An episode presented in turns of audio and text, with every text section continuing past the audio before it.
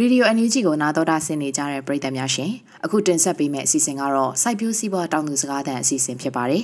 စံစဘာအထွက်နှုံးနဲ့ဈေးကစားလိုတဲ့တူလောင်မှုတွေကစံဈေးကွက်ကိုအကြီးအကျယ်ထိခိုက်စေတာမရှိပေမဲ့အထွေထွေကုန်ဈေးနှုန်းကြီးမြင့်လာတာကစံဈေးကွက်ကိုထိခိုက်စေတာဖြစ်တယ်လို့စံလုပ်ငန်းလုပ်ကင်သူတွေကသုံးသပ်ကြပါတယ်ဒီသတင်းကိုမကြီးမုံကပေးပို့ထားပါတယ်ရှင်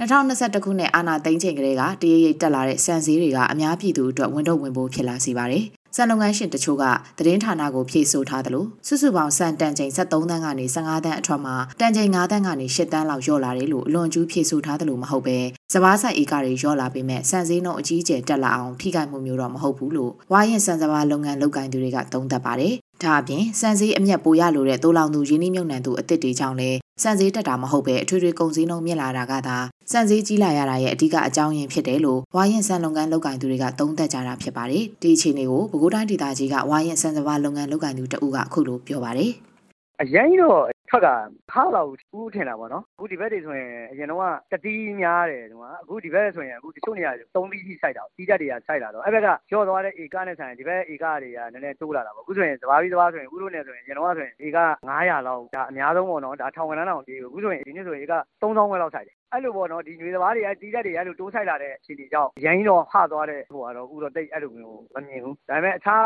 ကုန်စည်နှုန်းတွေနဲ့ရှင်လာတော့လေဒီစဘာလေးကအဲ့လိုပေါ့နည်းနည်းလိုက်ပြီးတော့တွဲပါတဲ့ပုံစံမျိုးအဲ့လိုလားမသိဘူးဆန်စပါးတက်သွားတော့မယ်ဆိုတဲ့အနေအထားနဲ့အဲ့လိုမျိုးဈေးဟိုဖြစ်တာတော့မဟုတ်ပါဘူးဈေးကွက်ဒီ market အနေအထားကပြောရတာနည်းနည်းခက်တယ်အခုဒီဟာတခုလည်းအဲ့လိုမျိုးပေါ့အရန်ထောင်တက်သွားတာမျိုးမဟုတ်တော့ခုလည်းနည်းနည်းပြောရတာခက်တယ်ဒီကုန်စည်နှုန်းကအခြား accessory မှန်သမျှပေါ့နော်အဲ့ဒါတွေကလည်းဈေးကမြင့်တက်လာတယ်ဒေါ်လာဈေးတွေပါတွေကအဲ့လိုမျိုးတွေဖြစ်လာတဲ့အနေအထားမှာလည်းအဲ့လိုကြောင့်ဒီဆန်ဈေးနှုန်းတွေလည်းနည်းနည်းပေါ့စဘာဈေးလည်းမြင့်တက်လာမြင့်တက်လာဆိုတော့တောင်သူပြန်သုံးရတဲ့ဒီဟိုဟာတွေကလည်းမြင့်တော့အခုအဲ့စဘာဈေးလည်းအဲ့လိုမျိုးနည်းနည်းမြင့်တက်လာတဲ့ပုံစံမျိုးအဲ့လိုတော့တွေ့ရတယ်တွေ့ရဆိုတော့အခုဈေးဥဒီကလုံးဝအဲ့လောင်ထားတဲ့လက်ကြီးတွေကအဲ့လိုပေါ့ဥပမာကုမ္ပဏီကြီးတွေပါညာတွေကအဲ့လိုပိုက်ထားပြီးတော့လုံးဝအဲ့လိုတူဝက်ထားတဲ့ပုံစံမျိုးတော့ဥလို့လည်းဒါဆန်စဘာအသင်းရောဆန်ဆက်အသင်းရောဖြီးဝေးပါထဲထဲဝင်အတွက်နဲ့ဝင်နေတာဆိုတော့အဲ့ပုံစံမျိုးတော့အဲ့လိုတော့ မတွေ့ရဘူးပေါ့နော် အခုလည်း သူ့နိုင်တဲ့ဟာနဲ့ သူ့ကနေတော့ဖြန့်ဖြူးနေကြတာပဲ ထုတ်ရောင်းနေကြတာပဲ ရောင်းမင်းနေကြတာပဲ 2021ခုနှစ်ဇူလိုင်လကစလို့တစ်နှစ်အတွင်းစံစည်းတက်လာတဲ့အခြေအနေကို2022ခုနှစ်ဇူလိုင်လမှာထုတ်ပြန်ခဲ့တဲ့စံကုန်တဲ့အသင်းရဲ့အချက်လက်တွေအရအသုံးများတဲ့တောင်မြတ်ရှယ်စံစည်းနှုန်းက89ရာခိုင်နှုန်းရွှေဘိုပေါ်စံစည်းနှုန်းက63ရာခိုင်နှုန်းပသိမ်ဖြာပုံမြောင်းမြစတဲ့မြို့ဝကျုံမော်နေစုံကထွက်ရှိလာတဲ့ ARI မြို့ဝကျုံမော်စံစည်းတွေက52ရာခိုင်နှုန်းပေါ်ကျွဲဆန်က28ရာခိုင်နှုန်းငစိန်ဆန်က55ရာခိုင်နှုန်းအမထက39ရာခိုင်နှုန်းရက်60ဆန်က39ရာခိုင်နှုန်းမြင့်တက်လာတယ်လို့သိရှိရပါတယ်။အိမ်နောက်2022ခုနှစ်ကနေလက်ရှိ2023ခုနှစ်အတွင်းမှာတော့စံစည်းတွေကတစ်နှစ်အတွင်းအနည်းဆုံးတစ်ဆအထိမြင့်တက်သွားတာဖြစ်ပါတယ် ထပ်မံမြင့်တက်လာတဲ့စံစည်းနှုန်းတွေကိုနှိုင်းယှဉ်ကြည့်မယ်ဆိုရင်2022ခုနှစ်စီးရင်အရတောင်မြတ်ရှဲစံတအိတ်စည်းနှုန်းကအနည်းဆုံးကျပ်33,500ကနေ66,000ကျပ်ရှိခဲ့ရကနေ2023ခုနှစ်ဩဂုတ်လ24ရက်မှာထုတ်ပြန်ခဲ့တဲ့စီးရင်အရအနှိမ့်ဆုံး3,300ကျပ်ကနေအမြင့်ဆုံး3,2,900အထိတက်လာပြီးတစ်နှစ်အတွင်းမှာကျပ်6,100ကနေကျပ်9,900အထိမြင့်တက်လာတာဖြစ်ပါတယ်။ ရွှေဘိုပေါ်ဆန်းစည်းနှုန်းကတော့2022ခုနှစ်စည်ရင်အရအနိမ့်ဆုံးကျပ်4800ကနေအမြင့်ဆုံးကျပ်8000ခွဲထိရှိခဲ့ရကနေ2023ခုနှစ်ဩဂုတ်လမှာတော့အနိမ့်ဆုံးကျပ်33800ကနေအမြင့်ဆုံးကျပ်34500အထိရှိလာပြီးတစ်နှစ်အတွင်းကျပ်6000ကနေကျပ်9000အထိမြင့်တက်လာတာဖြစ်ပါတယ် AR မြို့နယ်အစုံကထွက်ရှိတဲ့ပေါ်ဆန်းဆန်စည်းနှုန်းတွေကတော့2022ခုနှစ်စီးရင်နေအရအနိမ့်ဆုံးကျပ်3000ခွဲကနေအမြင့်ဆုံးကျပ်9600ရှိခဲ့ရကနေ 2023ခုနှစ်ဩဂုတ်လမှာတော့အနိမ့်ဆုံးကျပ်3,500ကနေအမြင့်ဆုံးကျပ်3,4,500အထိမြင့်တက်လာပြီးတစ်နှစ်အတွင်းကျပ်6,600ကနေကျပ်9,000အထိမြင့်တက်လာတာပဲဖြစ်ပါတယ်။လူဦးရေအများဆုံးစားသုံးကြပြီးပြင်ပတင်ပို့တဲ့ဆက်အမျိုးအစားဖြစ်တဲ့အမထဆန်ကတော့2022ခုနှစ်စရင်အရအနှိမ့်ဆုံးကျပ်22,500ကနေ အမြင့်ဆုံးကျပ်32,000ထိရှိခဲ့ပေမဲ့2023ခုနှစ်ဩဂုတ်လမှာတော့အနှိမ့်ဆုံးကျပ်6,900ကနေအမြင့်ဆုံးကျပ်8,600အထိမြင့်တက်ခဲ့ပြီးတစ်နှစ်အတွင်းကျပ်4,600ကနေအများဆုံးကျပ်5,400အထိမြင့်တက်လာတာဖြစ်ပါတယ်။စံစည်းနှုန်းတွေမြင့်တက်လာတာက73စီကအစကုန်စည်စည်းစိမ်မှုကြံ့ကြာတာတွေလမ်းပိတ်ဆိုတာတွေကြက်ငွေတမိုးကျဆင်းတာတွေအထွေထွေကုန်စည်နှုန်းမြင့်တက်လာတာတွေနဲ့အဓိကသက်ဆိုင်နေတာဖြစ်တယ်လို့သုံးသပ်ကြတာဖြစ်ပါတယ်။ပညာရေးနဲ့ကျန်းမာရေးစည်းစကားတွေကအစအထွေထွေကုန်စည်နှုန်းမြင့်တက်လာတဲ့အခြေအနေနဲ့ငွေကြေးစုဆောင်းနိုင်တာမရှိတော့တဲ့အခြေအနေတွေကိုရန်ကုန်မြို့ကကလေးနှစ်ဦးမိခင်တဦးကအခုလိုပြောပြပါဗျ။ကုန်စည်နှုန်းတွေကတော့ရမ်းတက်တယ်။တစ်တူနီ30သားကို300တပိတ်တာ3000 ကျတူအဖြူ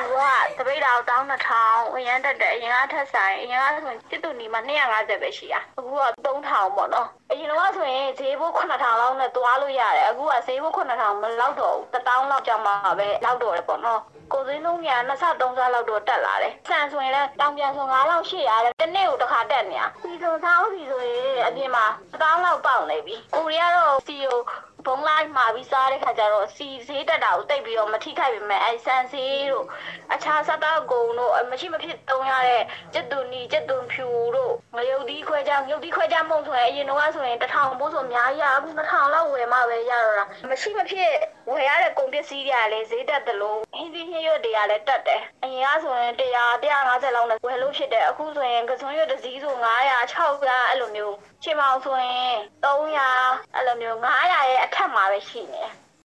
အာရှမှာထိတ်တန်းစံတင်ဖို့သူအဖြစ်ရပ်တည်ခဲ့မှုတဲ့မြန်မာနိုင်ငံဟာစဘာဆိုင်အေကတစ်နှစ်ကို18တန်းရှိပြီးစံအဓိကစားသုံးတဲ့နိုင်ငံဖြစ်ပေမဲ့ဝင်ငွေနှဲပါတဲ့ပြည်သူတွေကတော့လက်ရှိအချိန်မှာစံစည်းကြီးမြင့်တဲ့ထံကိုမရှုမလှခံစားနေရတာဖြစ်ပါတယ်။ စစ်ကောင်စီကတော့ကုန်စည်နှုန်းကြဆင်းရေးကော်မတီကိုဖွဲ့စည်းထားပေမဲ့အကြောင်းထုလာတာမရှိဘဲစံအပါဝင်မရှိမဖြစ်ဝယ်ယူရတဲ့အခြေခံစားကုန်နဲ့လူသုံးကုန်စည်နှုန်းတွေကတော့တက်မြဲတိုင်းတက်နေတာပဲဖြစ်ပါတယ်။ကုန်စည်နှုန်းကြီးမြင့်လာတာရဲ့နောက်ဆက်တွဲအခြေအနေကိုအဆိုပါလူလက်ပိုင်းကလေးမိခင်တအုပ်ကအခုလိုပြောပြပါဗျ။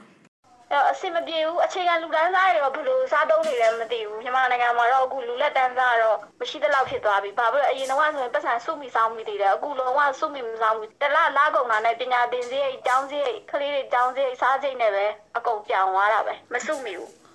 စံစည်းစပါးစည်းတွေတက်လာတာကအဲ့ဒီလုပ်ငန်းလုပ်ကိုင်နေသူတွေအတွက်ငွေကြေးရင်းနှီးမြှုပ်နှံနိုင်မှုခက်ခဲလာစေပြီးဈေးနှုန်းတွေတည်ငြိမ်စေခြင်းနဲ့လို့အဆိုပါစံဆက်လုပ်ငန်းလုပ်ကိုင်သူကဖြည့်ဆွတ်ပြောပါတယ်။ဈေးနှုန်းကတော့ အဲ့လိုသူ့ဖြစ်တဲ့ဈေးနှုန်းနဲ့တည်တည်ငြိမ်ငြိမ်အဲ့လိုမျိုးဖြစ်နေတာကတော့အကောင်းဆုံးပေါ့သမီး။ဟိုမှာကုန်ကြမ်းတွေကုန်ကြောလုပ်တဲ့လူတို့ကဆန်ဆက်တွေဆိုတော့ဟုတ်တယ်လား။အဲအဲ့တော့ရောင်းပြီးလို့ရှိရင်ပြန်ဝယ်တယ်ပြန်ဝယ်လို့ရှိရင်ဒီတည်တည်ငြိမ်ငြိမ်ဆိုတော့ဖြန့်ဖြူးရတဲ့နေရာကိုလည်းတည်တည်ငြိမ်ငြိမ်ဖြန့်ဖြူးလို့ရတာပေါ့ဒါကတော့အကောင်းဆုံးပေါ့အဲ့လိုလည်းဖြစ်စေချင်တယ်ကိုစိမ်းနှုန်းနဲ့ပတ်သက်ပေါ့တောင်သူလည်းတောင်သူတင့်တဲ့ဈေးနှုန်းရသူတို့ဂျားတွေကကုန်ကြမ်းကိုကုန်ကြောလုပ်တဲ့လူတွေလည်းတင့်တဲ့လေပတ်နိုင်တဲ့အမျက်ဆုံးတွေအဲ့လိုရတယ်အဲ့လိုသွားနေတဲ့အခြေအနေကတော့အကောင်းဆုံးပေါ့ဒါပေမဲ့ဈေးနှုန်းမရှိမဆန်နေအဲ့လိုမျိုးတွေဖြစ်တဲ့ဟာမျိုးကတော့ဒါအခုတို့လည်းသိမကြိုက်ဘူးအဲ့ဒါတော့ စစ်ကောင်စီကပုဂ္ဂလိကစံစဘာလုပ်ငန်းရှင်တွေနဲ့ဖွဲ့စည်းထားတဲ့စံစဘာအသင်းချုပ်ကိုစံစည်းတက်လာတာကိုထိန်းကျောင်းမှုအကောင့်ထဲပေါ်ဆောင်ရွက်ခိုင်းထားတာကိုတွေ့ရပါတယ်။ရန်ကုန်မြို့ရဲကစံဆိုင်42ဆိုင်မှာလက်ကားစီကျပ်2900ကနေကျပ်3600ကျားရှိတဲ့အမထစံတပီကိုလက်လီစီကျပ်2500နှုန်းနဲ့လူတအုပ်ကိုစံတပီစီရောင်းချပေးနေပါတယ်။ဒါအပြင်ရန်ကုန်မြို့လယ်ကပြည်ရင်းစားဆန်စည်းကွက်အခြေဆရာ